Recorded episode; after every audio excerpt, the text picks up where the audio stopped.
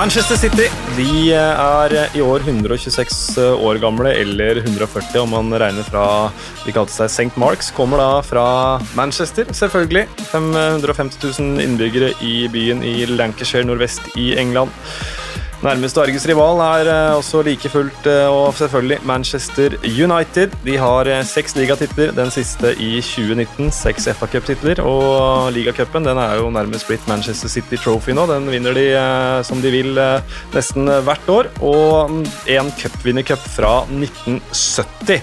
Um, men Manchester City de har jo vært på en eh, lang reise, og eh, de skal vel ikke mer enn 21 år tilbake, Tor Christian Carlsen, til uh, helt andre stunder. Du var på Wembley du, i den opprykksplayoffen mot Gillingham. Ja, jeg var det. Um, kanskje mest av altså, den nest mest dramatiske kampen jeg har vært på. Det var jo ikke mer dramatisk enn den Start uh, Lillestrøm. Uh, andre kampen der, på Åråsen. Men uh, ja, det var jo surrealistisk. Gillingham leda så Det var 0-0 til å vare igjen ti minutter, tror jeg, og så skårte vel eh, Gillingham 2. Mm. Siste var vel 8-7, og så, og så utligna Kevin Hollock akkurat i 90. og så var det vel 96. Altså siste sparket på ballen før ekstraomganger. Paul Dickoff eh, dukka opp og, og, og, fikk de videre til ekstraomganger. Og, og, Rest is history vant for straffer. og Det var vel kanskje definerende øyeblikk i klubbens historie hvis de hadde blitt i, på tredje nivå um, et år til, uh, så hadde det vel ikke båret seg økonomisk, og da kunne det virkelig ha vært uh, fare på. Ja. Mm. Så jo, Jeg hoppa litt i settet, for jeg introduserte deg ikke før jeg tok spørsmålet, men eh, tidligere sportsdirektør i Monaco, nå sist Start, blant mye annet du har gjort, og, og City-fan, Tor Christian. Ja, jeg ble vel hooked. Hooked og hooked, da. Altså hvis du går tilbake på 80-tallet, så var det jo litt mer random hvordan man fant klubber. Det var jo nesten ikke noe Det var tippekampen på, på lørdag klokka fire. og um, Jeg skulle ikke bli Liverpool-fan, det var helt klart. Og jeg skulle ikke bli Everton, som var stort lag på den tida. Ikke Tottenham og ikke Manchester United, da var det ikke så mye igjen. Men da fikk jeg en sånn derre um, vi skulle begynne å ha gym på skolen, og da tok moren min meg med til sånn, til, inn til Sportlodvar, og så var det to bager jeg skulle ha en sånn med fotballogo og sånn på. Jeg vet ikke om du husker den, ganske mm. populære på 70-80-tallet. Og da var det to der, og den ene var blå, den andre var rød, og den røde var Middlesbrough. Og den blå var Manchester City, og da, da ble det City. altså. Ja. Sånn rundt 85-86, tenker jeg. Da var jo klubben også på andre nivå. Så mm. jeg skal i hvert fall ikke ha på meg at jeg er Glory Hunter, og hvis noe, så har i hvert fall interessen dabba etter hvert som man har vunnet uh, ting. Uh, Solveig Gulbrandsen, det er en ære å ha deg med her uh, også. Uh, hva er dine forventninger til Manchester City den sesongen som kommer?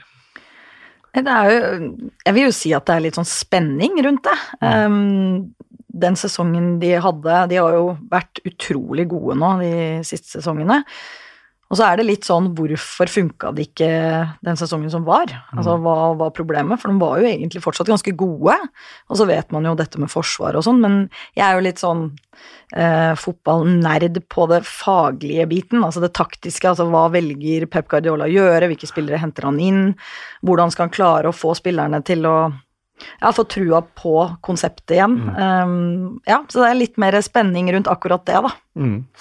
Så er det vel noe som heter Three is a Crowd, og så vet jeg ikke om noe som heter Four is a Party, men uh, vi er heldigvis fire her. Uh, Helge Kalleklev, uh, fotballreporter i TV 2. Det er helt riktig. Jeg kjenner på enorme mindreverdighetskomplekser nå når jeg ble introdusert etter sportsdirektøren til Monaco og personen med 3500 landskamper for Norge. Så takk for det, Espen. Jo, bare hyggelig. Eh, men uh, veldig hyggelig å være her. Tenk på meg, da, som er sistemann ut. Hvilke mindre komplekser jeg får nå. Uh, uh, vi, vi, kan starte med det som Selv nå om det her skal være litt sånn tidligste episode vi spiller inn i dag, men den skal forhåpentligvis høres på inn mot seriestart, men det er jo ett stort spørsmål rundt Manchester City nå. Lionel Messi. Tor Christian, dine tanker der. Hva, hva tror du skjer med Messi? Ja, det spilles jo opp til eh, et eh, klimaks her. Um, han møter ikke opp på trening. Uh, har sagt at han ikke skal spille mer for, for, Barcelona, og så får vi se Dette er jo et spill, ikke sant, og så får man se hvem som gir seg først her. altså jeg vet ikke altså, om han skulle havne i meg det, det, det er vel det mest sannsynlige plan B her. Um, hvis ikke Messi har en eller annen tanke om å bli uh, ikke bare historiens uh, og Barcelonas beste spiller, men også klubbpresident og sportsdirektør og det ene andre, er det det som er planen hans? Å forhandle om noe høyere lønning er vel Kan jeg ikke forstå om det er sannsynlig, når han tjener liksom en milliard kroner i året. Og det er det vel også, faktisk, mm. brutto. Eh, så jeg, jeg, jeg vet ikke, han er 33, altså det, og han er jo som sagt verdens beste spiller gjennom alle tider i mitt hode. Men at han skal til England nå ja, det er moro et, år, og uh, Jeg syns det er mer Kina-Qatar-prosjekt, altså.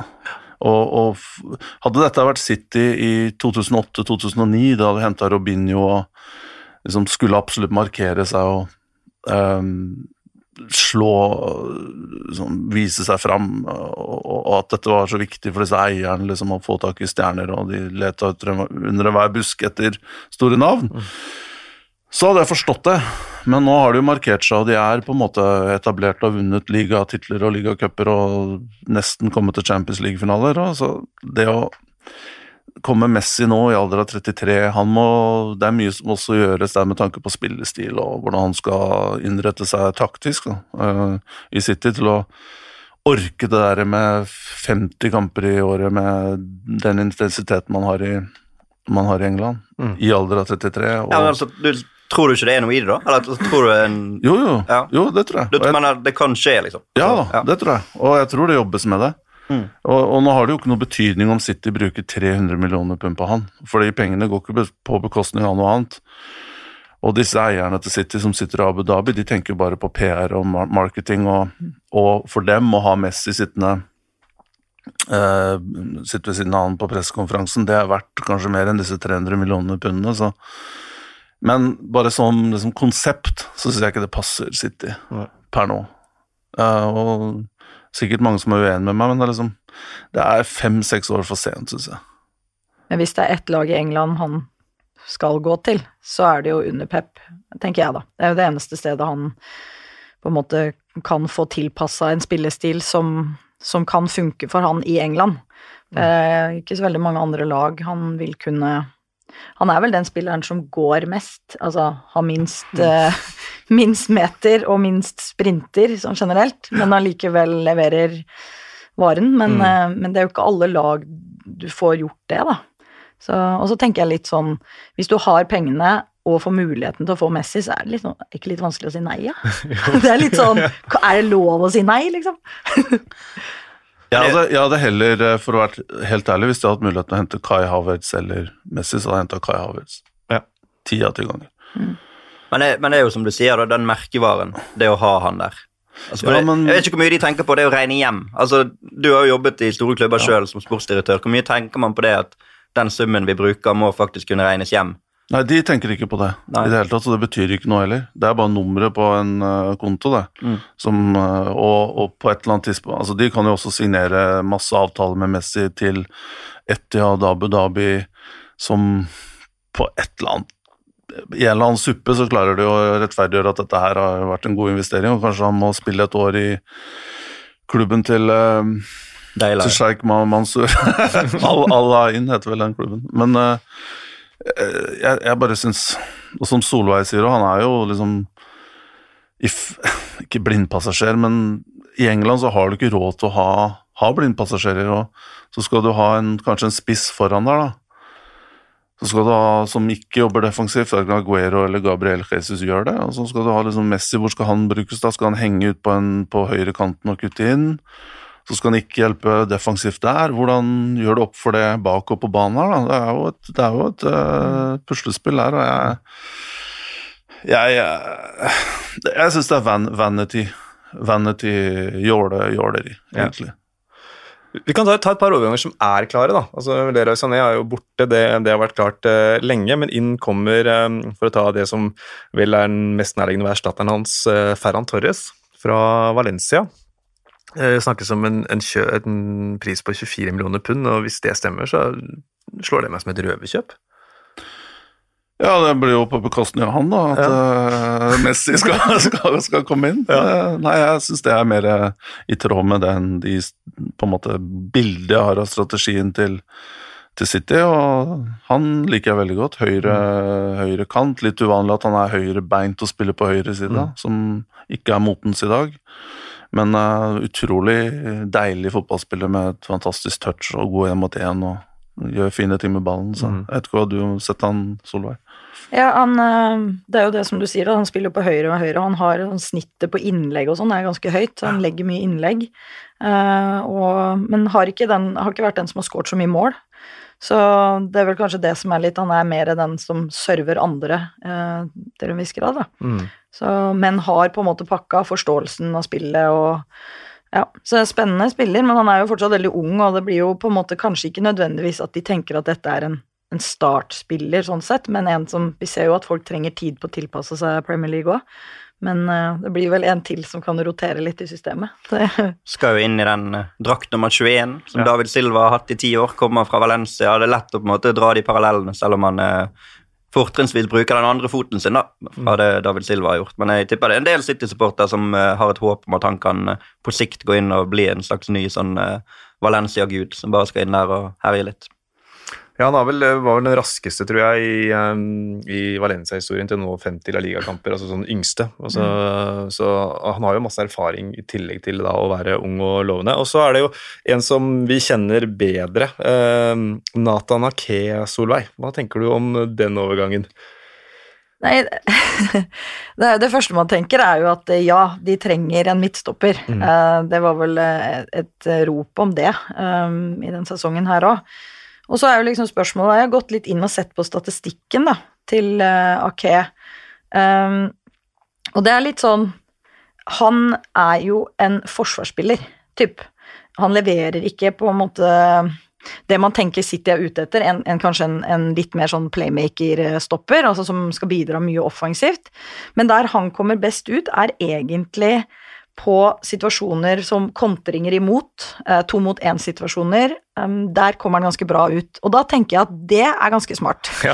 For der har man vel sett at Otamendi og en del andre spillere rett og slett er helt håpløse. Altså én mot én, to mot én-situasjoner hvor de bare kaster seg ut i taklinger og flekker ned og skaper frispark eller så, sånn sett så tenker jeg det er fordi de får en del kontringer imot, og da må de ha kanskje forsvarsspillere som håndterer det. Han er jo ikke så veldig høy, så sånn luftstyrkemessig og sånn, så er det kanskje ikke helt eh, De kunne ha trengt noen som rydder litt mer unna i lufta, men, men eh, sånn sett litt spennende, men det var kanskje ikke det jeg så for meg. altså at det- det var den spilleren de skulle plukke, men når jeg har gått inn og sett litt på tallene, så skjønner jeg kanskje litt hvorfor. Ja.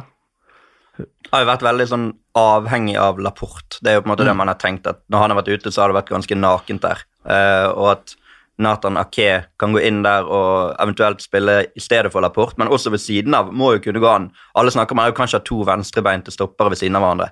Men du kan jo ha to høyrebeinte stoppere ved siden av hverandre. Det er jo det veldig mange lag som har, og det går jo helt fint. Så det er litt sånn, bare fordi at du er venstrebeint, så er du ubrukelig ved siden av en annen. Virker veldig rart i mitt hode, da. Men nå er jo det også rapportert Friends Football om at Kolibali kan være på vei i tillegg, og da snakker vi jo et litt annet nivå. Han er jo, uten at jeg har vært på innsiden av ting sånn som du har vært, så har han i hvert fall fra utsiden virket som kanskje den mest ettertraktede stopperen i Europa de siste par årene. Ja, da, da snakker vi topp, toppklasse. Og jeg er jo enig med Veldig godt poeng Solveig, Solveig har der, med, med den erfaringen som AK har fra på en måte et bunnlag. Da. Eh, kan også være nyttig for City, så hvor du faktisk må forsvare deg med litt mer fokus, og ikke bare handler om å kunne spille ut bakfra og de tingene der. Men det, AK handler vel også om at han er homegrown, og, for han er Chelsea fra han var veldig ung, var han ikke Ja. det? Så han har de årene der. Og, og så er de vel ikke sikre på om Laporte holder en hel sesong igjen fysisk, Nei. Så at du da får inn en venstreben. Så jeg, jeg ser vel mer på han som cover, men hvis Kolibali kommer inn, så, så, så da, da, da snakker vi ordentlige varer her, syns jeg. Da, da mener jeg en komplett stopper som, som ikke bare er god eh, altså fysisk, du ser jo han er jo er jo ekstremt dominerende i, i nærkamper og hodespill, og, men han er også god med ballen. Mm. Og ja, spiller med enorm autoritet, og det er liksom Har noe som ikke City har hatt bak der siden Ja, når var siste? Company, da. Det er Ja, ikke så lenge siden. Nei, da, men det var tidlig Company, da. Company var jo, eller Autoriteten hadde han jo, Ja. men det, rent sportslig så var han jo ikke helt god nok i I hvert fall ikke hver gang etter hvert, da. Selv om han reddet jo de Mm. Ja. skåret på det langskuddet mot Leicester der. Så de, Det som, er Faktisk vant ligaen. det som er med Akeo, er jo at eh, i og med at han er, han er ganske forflytningsdyktig, altså han dekker et litt større område og har en del fart og sånn, det gjør jo også at hvis du skal spille med en treer bak, så kan han på en måte være en venstre stopper, og så kan du ha Laporte i midten. Sånn at det, det gjør jo også at han er litt mer fleksibel, da. Så, ja. Men jeg er også litt bekymra over Én ting er jo at de har gode forsvarsspillere sånn rent på papiret, men det er jo noe med strukturen der det sitter òg, som gjør at uh, man blir veldig ofte eksponert på, en, på, på kontringer, overganger. Og når de taper ballen eh, høyt i banen, så er det liksom Da er det fare. Men det er jo dette som jeg syns er interessant, da, for å se litt sånn på totalen på det taktiske rundt det. For det er jo litt sånn um, Når du ser på Liverpool, på en måte, så får de liksom nesten Altså i flyt, da, så får de nesten ikke kontringer mot det. Samme var jo Manchester City året før òg. Og så dette med å lage frispark oppe på motstanders banehalvdel, altså du hindrer på en måte, du har kontroll. Men så skjedde det noe, og det, med veldig mange lag så skjer det noe mentalt når det defensive strukturen på en måte begynner å, å svikte litt. da. Så når du ser i starten av sesongen at oi, her begynner vi å bomme litt, Otamendi er litt ute, så begynner i et høyt press, eller gjenvinningspress, hvis én spiller begynner å svikte, så begynner alle å bli litt tvilsomme. Og hvis du da ikke har den meteren oppi, eller du gir bort to meter og begynner å tvile, så blir det et strukturfeil. Og da begynner avstanden å bli feil, og da får du mye mer kontringer imot. Og det er litt sånn det som jeg føler har skjedd litt med Manchester City, den, de har begynt å tvile litt. Og det ser man jo også på hvordan Pep Guardiola begynte også å gjøre en del strukturelle endringer, fordi han så at laget funka ikke sånn som de gjorde, og så begynner han å gjøre noen forandringer, og så blir det litt annerledes. Hvis det er flyt, så er det liksom Da behøver du ikke å tenke, da bare går alt av seg sjøl. Og så begynner du å overtenke, og da, ja, da blir det litt kål. Og jeg har vært borti det mange ganger sjøl. Det, liksom, det skal ikke så mye til da, før det svikter, det systemet. Så det, Forsvaret er utrolig viktig for å skape en trygghet. Så de er nødt til å gjøre noe der. Um, og de må på en måte Ja, som du sier, det handler jo om det derre De kommer til å få en del kontringer imot, men clouet deres er vel å prøve å hindre det. Ja, jeg, jeg syns også Liverpool er han helt på gjenvinning høyt i banen. Synes jeg de er, Nå har ikke jeg noe tall på det, men bare sånn anecdotal evidence syns jeg de er mye mer aggressive. Altså.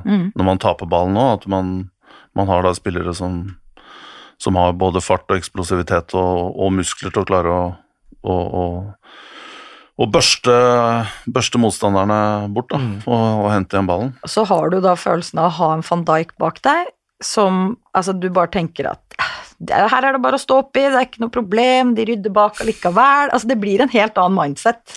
Og den kan man få med Kolibali, da. Ja. Den der klippen bak der, som du sier. tenker det har jo litt å si for de, de de møter òg. Altså, City hadde jo en sånn uslåelighet omtrent. De tapte riktignok noen kamper, men de vant serien to år på rad. Første sesongen tapte de to kamper. Andre sesongen tapte de vel fire. Men hele forrige sesong tapte de jo ni. Altså, De tapte jo mye mer kamper forrige sesong enn de gjorde de to sesongene i forkant. Og når du vet det som lag, at lag faktisk har dratt til Etihad og klart å utfordre dem på ting, her er det noen svakheter, da er det lettere å eksponere det sjøl også. Eh, ville i hvert fall jeg tenkt som motstander. Nå er det liksom Liverpool som har hatt den derre dette, det sniker seg inn en sånn tanke. da, Selv om man hver gang man skal spille en fotballkamp, så går du på banen og tror at du kan vinne. Men det er så lite som skal til for at du føler på den uslåeligheten, og den har ikke City hatt lenger. Og da vil det også automatisk være sånn at de faktisk avgir noen flere poeng. da. Så du må, du må få tilbake denne uovervinneligheten, tror jeg, da. Men de har jo muligheten til det, for de har jo de har jo en enorm offensiv. Altså, de skåret over 100 mål i fjor òg, selv om alle tenkte at Liverpool er så fantastisk offensivt. Så skåret jo City skåret nesten 20 mål mer enn Liverpool i Premier League forrige sesong. Ja, Og i år så hadde de jo fortsatt Jeg så på tall på totalt skudd, da. Så hadde de 745, og i fjor 683. Så de har flere skudd. Snittet på, altså på mål er sånn cirka likt. Men det er mange av de sjansene sånn rent offensivt hvor man har tenkt at her skårte de jo året før. Eh, og det også er jo noe som spiller inn her òg, at det var jo en del kamper hvor de, de leverte varene, og, men, men kanskje mangla måla, da. Og så får du det trøbbelet bakover i tillegg, og det Ja. Ja, for 18 poeng bak eh, Liverpool nå eh, forrige sesong, og da, det høres ut her nå som at eh, et av de nøkkelpunktene for å ta igjen det er, ligger bak. da. Det mm. snakka vi vel om hele forrige sesong også, at man ikke erstatta Company. Um, så at få inn ja, Kolibali eksempel, så, så skal det i utgangspunktet, ja, om ikke løse seg, så i hvert fall kan virke som en løsning. Uh, vi, hvis vi tar noe andre Hvis det er et nøkkelpunkt, da, hvilke andre ting må til for at City skal nærme seg Liverpool, for jeg antar at vi, det står mellom de to sånn i utgangspunktet, men så kan det snike seg en overraskelse, selvfølgelig. Men hva er, det, hva er, det, City må gjøre? Jeg kan starte med deg, Helge. Hva Har du noen eh, tanker? Altså, jeg tenker at Pep Guardiola må finne seg sjøl litt igjen. Eh, altså, Hvis det går an å si, da. For det at eh, Siste eksempelet vi så, var jo mot Lyon. Mm. Et lag som City skal være bedre enn. Og han nesten taktisk taper den kampen. Altså, Det er jo selvfølgelig veldig tabloid å si, men måten City gikk inn i den kampen på, følte jeg var veldig rar. da. Og jeg vet at mange også andre har bemerket det. Og at han som har vært den han har vært, den pioneren han har vært i fotball, hatt så stor suksess, skal ikke gå på akkord med seg sjøl, men i hvert fall fremstå usikker. Uh, virker for meg veldig rart, da, mm. når de har hatt så stor suksess. Og så er det selvfølgelig noen faktorer der i det at de har sluppet inn litt mer mål, at de har vært mer usikre, som har sikkert gjort at han har følt han må gjøre noen tilpasninger i måten de fremstår på, men jeg, tror i hvert fall at de har mer å tjene på at han eh, ikke går tilbake til røttene nødvendigvis, men i hvert fall virker mer sikker på måten de skal gjøre det på, for de er en av de klubbene som skal være såpass gode at de skal kunne fungere på sin egen stil mot de aller, aller fleste lagene. Mm. Syns i hvert fall jeg. Ja, jeg sukker tungt, det. jeg, jeg, jeg, eh, jeg, For å være helt ærlig, syns jeg Syns jeg at det kan eh, Kan bli litt mye av det gode. Altså Hvis Pep skal tilbake dit han for så vidt Altså, nå, nå er det ikke sånn at Pep plutselig blir noe annet enn det han alltid har vært. da. Så jeg forstår jo at alternativet er å ha det vi, man har hatt, eller at man går tilbake til den der veldig reinspikka pep-stilen. Jeg syns det til tider kan bli for mye possession, altså. Og, og da, mener jeg, da sier ikke jeg det fordi at jeg vil ha lange baller og, og men, men, at man kan få litt mer variasjon i spillet. Og så syns jeg at de mangler Jeg savner jo Aguero, er en av grunnen til at ikke det gikk helt smurt på, på slutten her. Um, det er med de er vanvittig ballsikre, selvsagt, og kan holde på den i minutter etter minutter. Men det er et siste taktomslaget på siste tredjedelen. Der er Aguero, syns jeg, liksom representerer noe annet enn hele resten av laget. Det er eneste spilleren de har som Og De Bruyne, da, som klarer liksom å Og kanskje til en viss grad Stirling, men jeg savner den derre punchen da, i, på siste tredjedel. Med Gabriel Jesus syns jeg ikke du får den. Og så kan man også se på at han er kanskje ikke på sikt løsningen. Aguero er 32, skadeutsatt. Er det der kanskje Hvis man hadde hatt Lewandowski da, som skårer i snitt eh, mål per kamp, og ha liksom mye mer game, da, allround, syns jeg, enn en Gabriel Jesus. Så jeg, her blir mye sånn flytende, men, men jeg, jeg syns når At det kan bli forutsigbart, da. Ja, altså, jeg sier ikke at eh, jeg ja. mener at de skal spille som Barcelona spilte i 2011. For det, eh, jeg skjønner at fotball utvikler seg, men at eh, det har fremstått litt vinglete. da. Og så er det forskjell på å fremstå vinglete og, og, være mer variert. I hvert fall tenker jeg da at han har ikke på en måte ost den samme selvsikkerheten som Nei. han har gjort tidligere. da. Litt tilbake til det jeg sa med den uovervinneligheten. Før har jeg følt at City de gjør det på sin måte, de høvler over. Sånn er det. Mens nå har de vært mye mer sårbare, og at det har også vært et resultat av at Guardiola har i hermetegn vinglet litt i måten han har ønsket å fremstå på. da. Akkurat, vi måtte inne på det, Christian, så har Bjørn Rudshagen et spørsmål som jeg bare syns ordlyden er så fin at jeg må stille det. og Det spørs selvfølgelig hvordan du uttaler navnet, men han spør er Jesus god nok for City. Jeg syns det, bare, det var noe artig. Jeg burde kanskje hatt Endre Olav Osnes her til å svare på det, men, eh, men eh, hvis jeg tolker deg riktig, så kanskje ikke som starter, Tor Christian? Jeg, jeg, jeg syns han er, blir for lite involvert av oppbyggende, og, og, så er han en god finisher, men det er samtidig liksom I, i dagens fotball, hvis du ser Lavandowski, la oss bruke han som liksom best practice, så ser du liksom han kan så mye mer, da. Han kan spille med ryggen mot mål, han kan flikke og komme med noen fine toucher og Men, men jeg syns det blir så u, ujevnt, da, av Gabriel Jesus. Jeg har ikke, han er nå, hva er han? Han er 97, eller? Så han er 23 år? Noe sånt. Uh, kan jeg bomme et år eller to der, men uh, liksom, jeg, jeg vil se noe mer her. Uh, og, og, Aguero vil jo ikke kunne prestere på det nivået han har gjort helt inn i alderen min. Nei, og så, og så tenker jeg at det som er noen ganger når du har et lag som ikke får så mye bakrom, da. Altså, de ligger inne i 16-meteren og skal på en måte ehm, ja, tråkle seg gjennom. Og hvem er det som alltid server? Jo, det er jo De Bruyne. Og hva er det han server? Jo, det er en del legg. Og det kommer ganske sånne smarte legg. Og da er det sånn som du sier, at en Lewandowski som er inne der og bare står der og bare prikker, er jo genialt. Du trenger ikke nødvendigvis en som på en måte ja, behøver å være så superrask, eller altså Det er mer den smartnessen inne i boks, da. Og det er jo det Aguero har hatt litt. Altså, han ligger der og, og er på ballen med en gang eh, Med en gang det kommer, detter ned, så er han der, på en måte. Mm.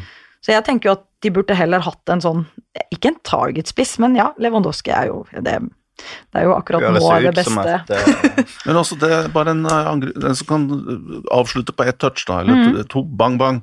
Det er som Gabriel syns det er mye fikling og skal tilrettelegge, men kanskje jeg ser det overkant negativt, da, skal sies.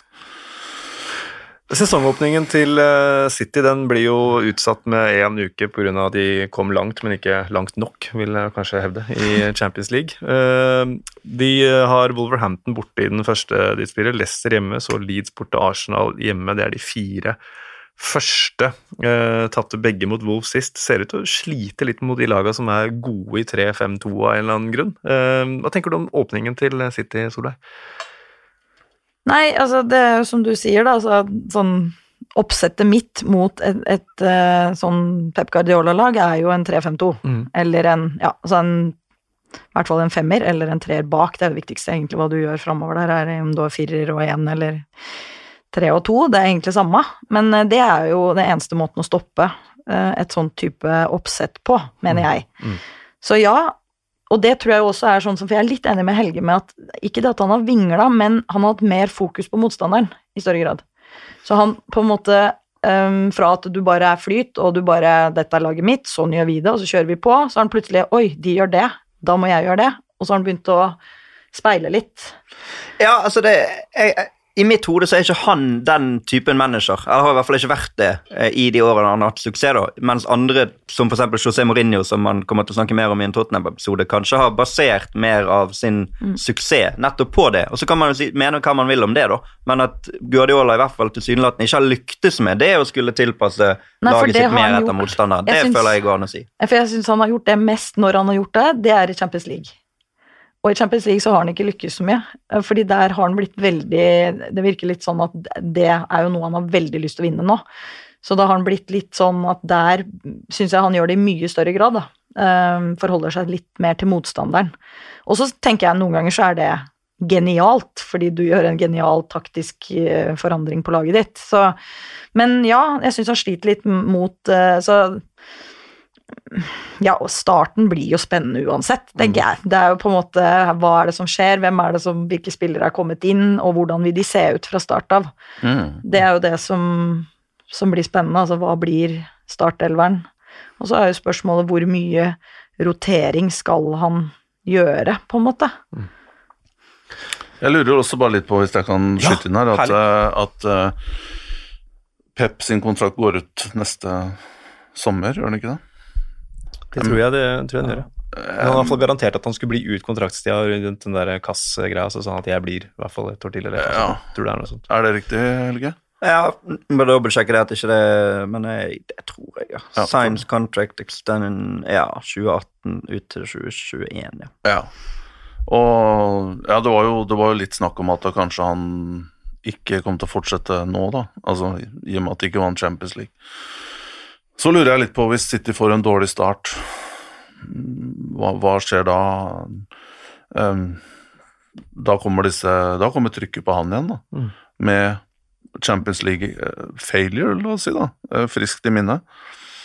Uh, og da lurer jeg på hvordan, hvordan vil hele klubben og gruppa og, uh, forholde seg til det?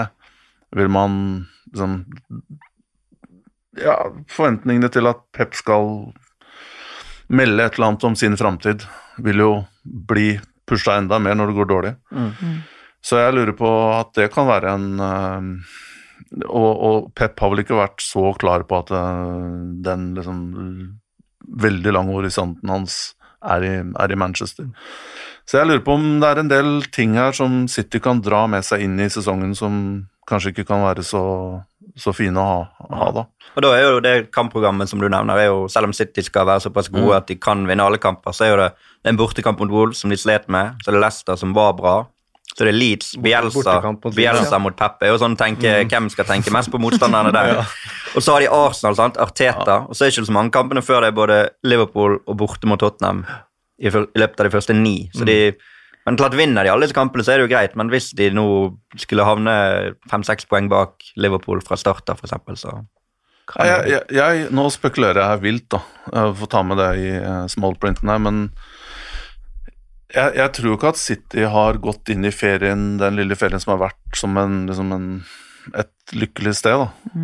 Et, et, med tanke på den exiten der i, mot Lyon, og kanskje hvis man får inn Kolibali og en Ok, hvis Messi kommer, så setter det fyr på hele, hele camp, Etihad campus og hele Manchester, sannsynligvis, men inntil det har skjedd, så, så er jeg, liksom, jeg er litt usikker på stemningen der. Hvor mye optimisme er det, og hvor lyst har disse her til å gå i gang? Og det er jo en veldig spesiell eh, sesong her, som Solveig sier, at disse nye skal eh, rett inn i det. Vi sitter her to uker igjen til seriestart, og overgangsvinduet drar seg langt inn i oktober. Så jeg, jeg er ikke sikker på om City er en av de klubbene som dette vil slå positivt ut for. Da.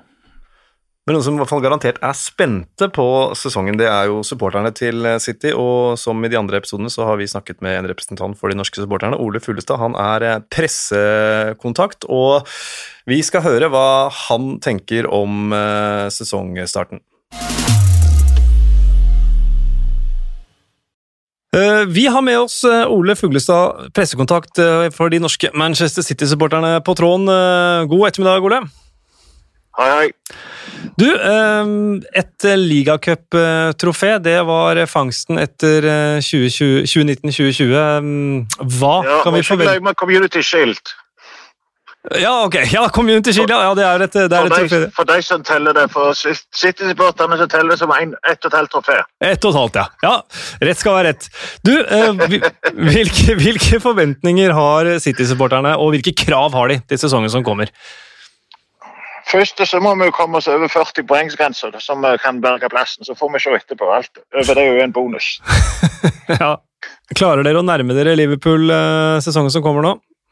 Ja, så det, samme spørsmålet ble jo reist til Liverpool, og de vant eh, serien med 20 poeng. Mm. Nå hadde Liverpool en sesong som kanskje litt over evne, og en sesong litt kanskje under evne. Ja. Så plutselig så kan de snu seg på hodet til neste sesong. Hva med disse nysigneringene? Ferran Torres, Nathan Ake, hvordan, eh, hva forventer du av de?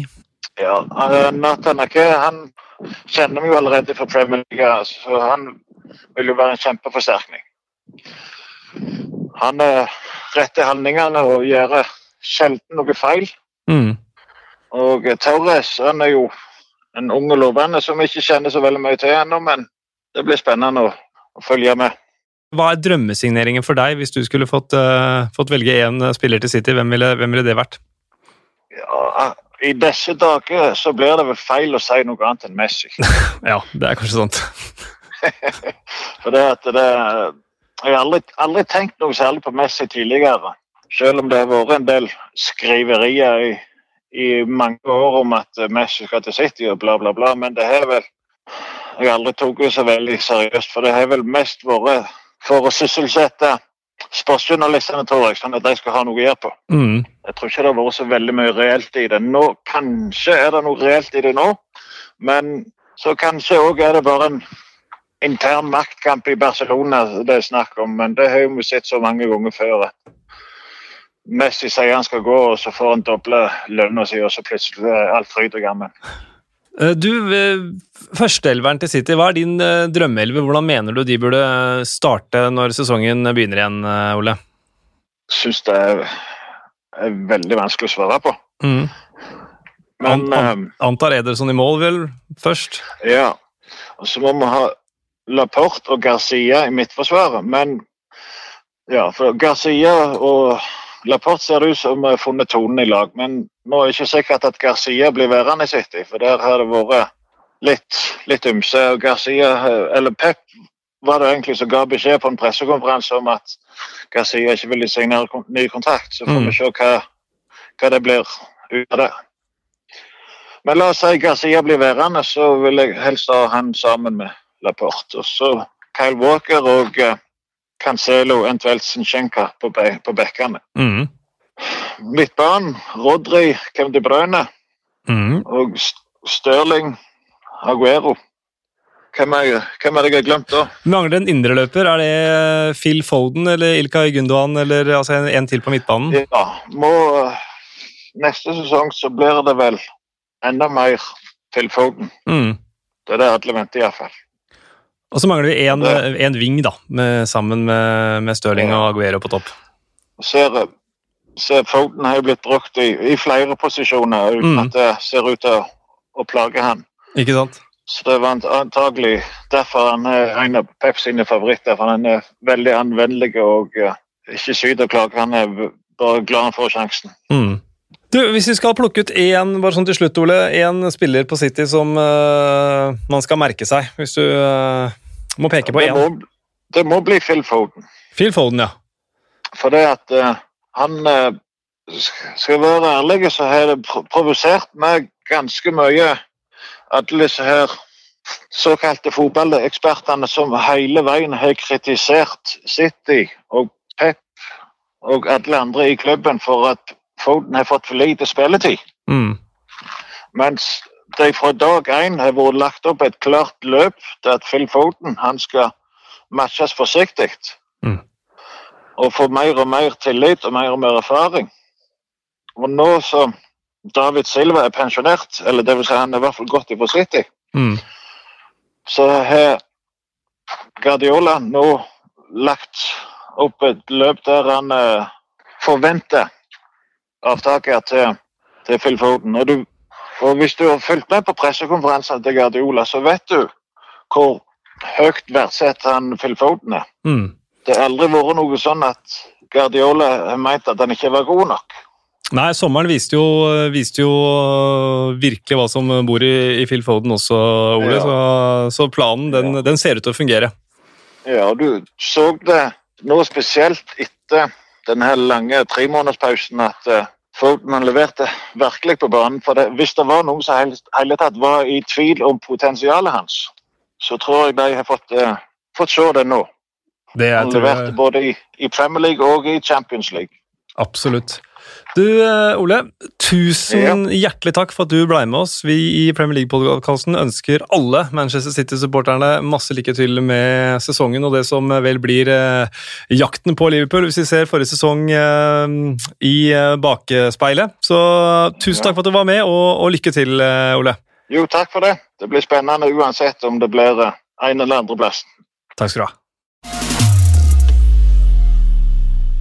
Ja, Vi hører Tor Christian, at uh, Phil Foden trekkes fram som uh, en av de altså, one to watch. Han viste vel uh, i sommer kanskje virkelig eksplisitt hvorfor.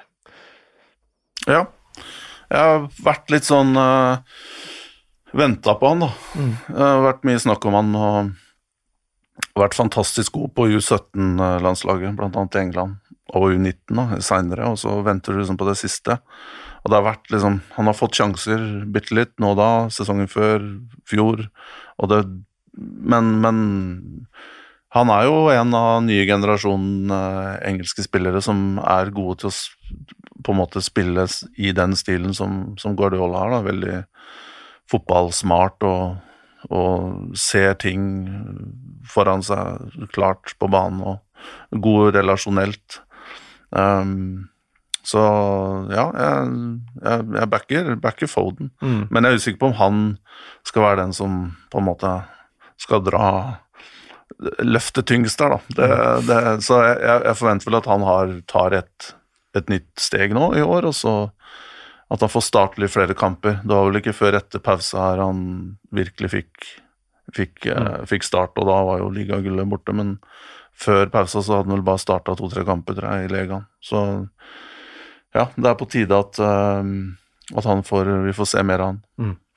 Helt til slutt, eh, folkens. eh, Hvilket sjikte havner Manchester City i? Altså, hvis vi tenker tittelkamp, topp fire, topp seks, midten, tabellen, nedrykk. Kan vel ekskludere de to siste på City, men hva tenker du, Helge? Hva tror du? Nei, altså Det er jo naturlig å tenke at de er i en tittelkamp. Ja. I hvert fall inntil det motsatte er bevist. Altså, De har jo vært Ser du jo i et lengre perspektiv enn kun forrige sesong, så har de vært det beste laget i England de siste tre årene. Sant? Altså Selv om Liverpool har vært, var dominerende i fjor, så var jo City vel så dominerende.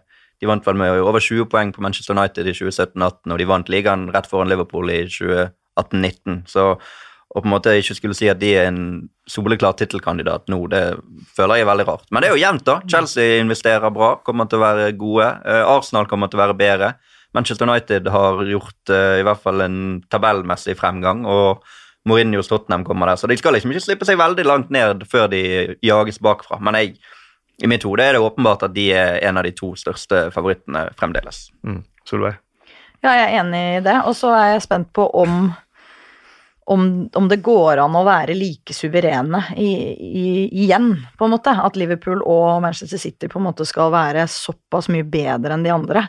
Fordi som du sier, nå har det liksom gått litt tid. Det er noen lag som faktisk har jobba litt med de samme eh, trenerne uten å sparke Altså ha et konsept her, da, over tid. Og, og det mener jeg bør bære frukter, at de faktisk kan eh, matche liksom noe av det Liverpool og Manchester City gjør. Så kanskje det kan bli litt jevnere. Eh, men, eh, men ja, det er tittelkamp. Det, ja. Du, Christian? Ja, jeg er enig med panelet her, ja. Mm. Jeg, jeg ser City som jeg, Men jeg er også enig med Solveig at jeg, jeg tror det blir mer åpent enn det, enn det vi tror. Jeg tror det handler litt om at Liverpool eh, er, er vanskelig å, å kicke on igjen fra en sånn helt utrolig sesong som de har hatt, og den energikrevende fotballen som de spiller. Um, og trenger kanskje også litt mer rotasjon nå i spillet. altså litt nye, Noen nye fjes inn, da. Um, Ja, så hadde de jo ingen skader på Eller de hadde mye skader, de òg, men ikke van Dijk.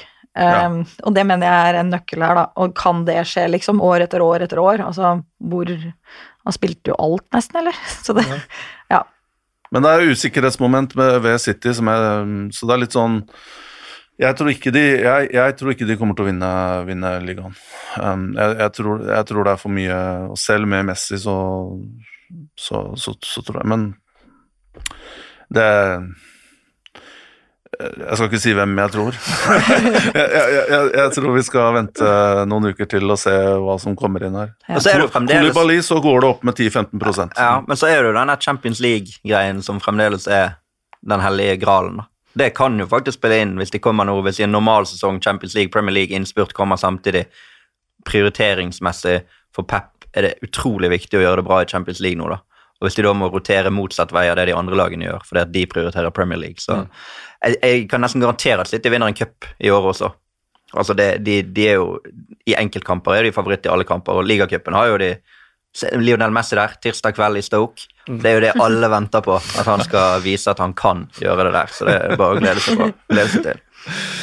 Og med, og, og med Lionel Messi tirsdag kveld i Stoke, Helge. Tusen takk for at du uh, var med. Solveig Gulbrandsen, 350 000 landskamper for Norge. Tusen takk for at du var med. Og Tor Christian Karlsen, hjertelig takk for at du tok deg tid. Takk selv. Uh, Vi takker moderne media for å legge til rette for at vi kan prate Premier League i denne podkasten. Og så er det bare å finne den i iTunes eller Spotify eller der du hører podkaster. Takk for følget.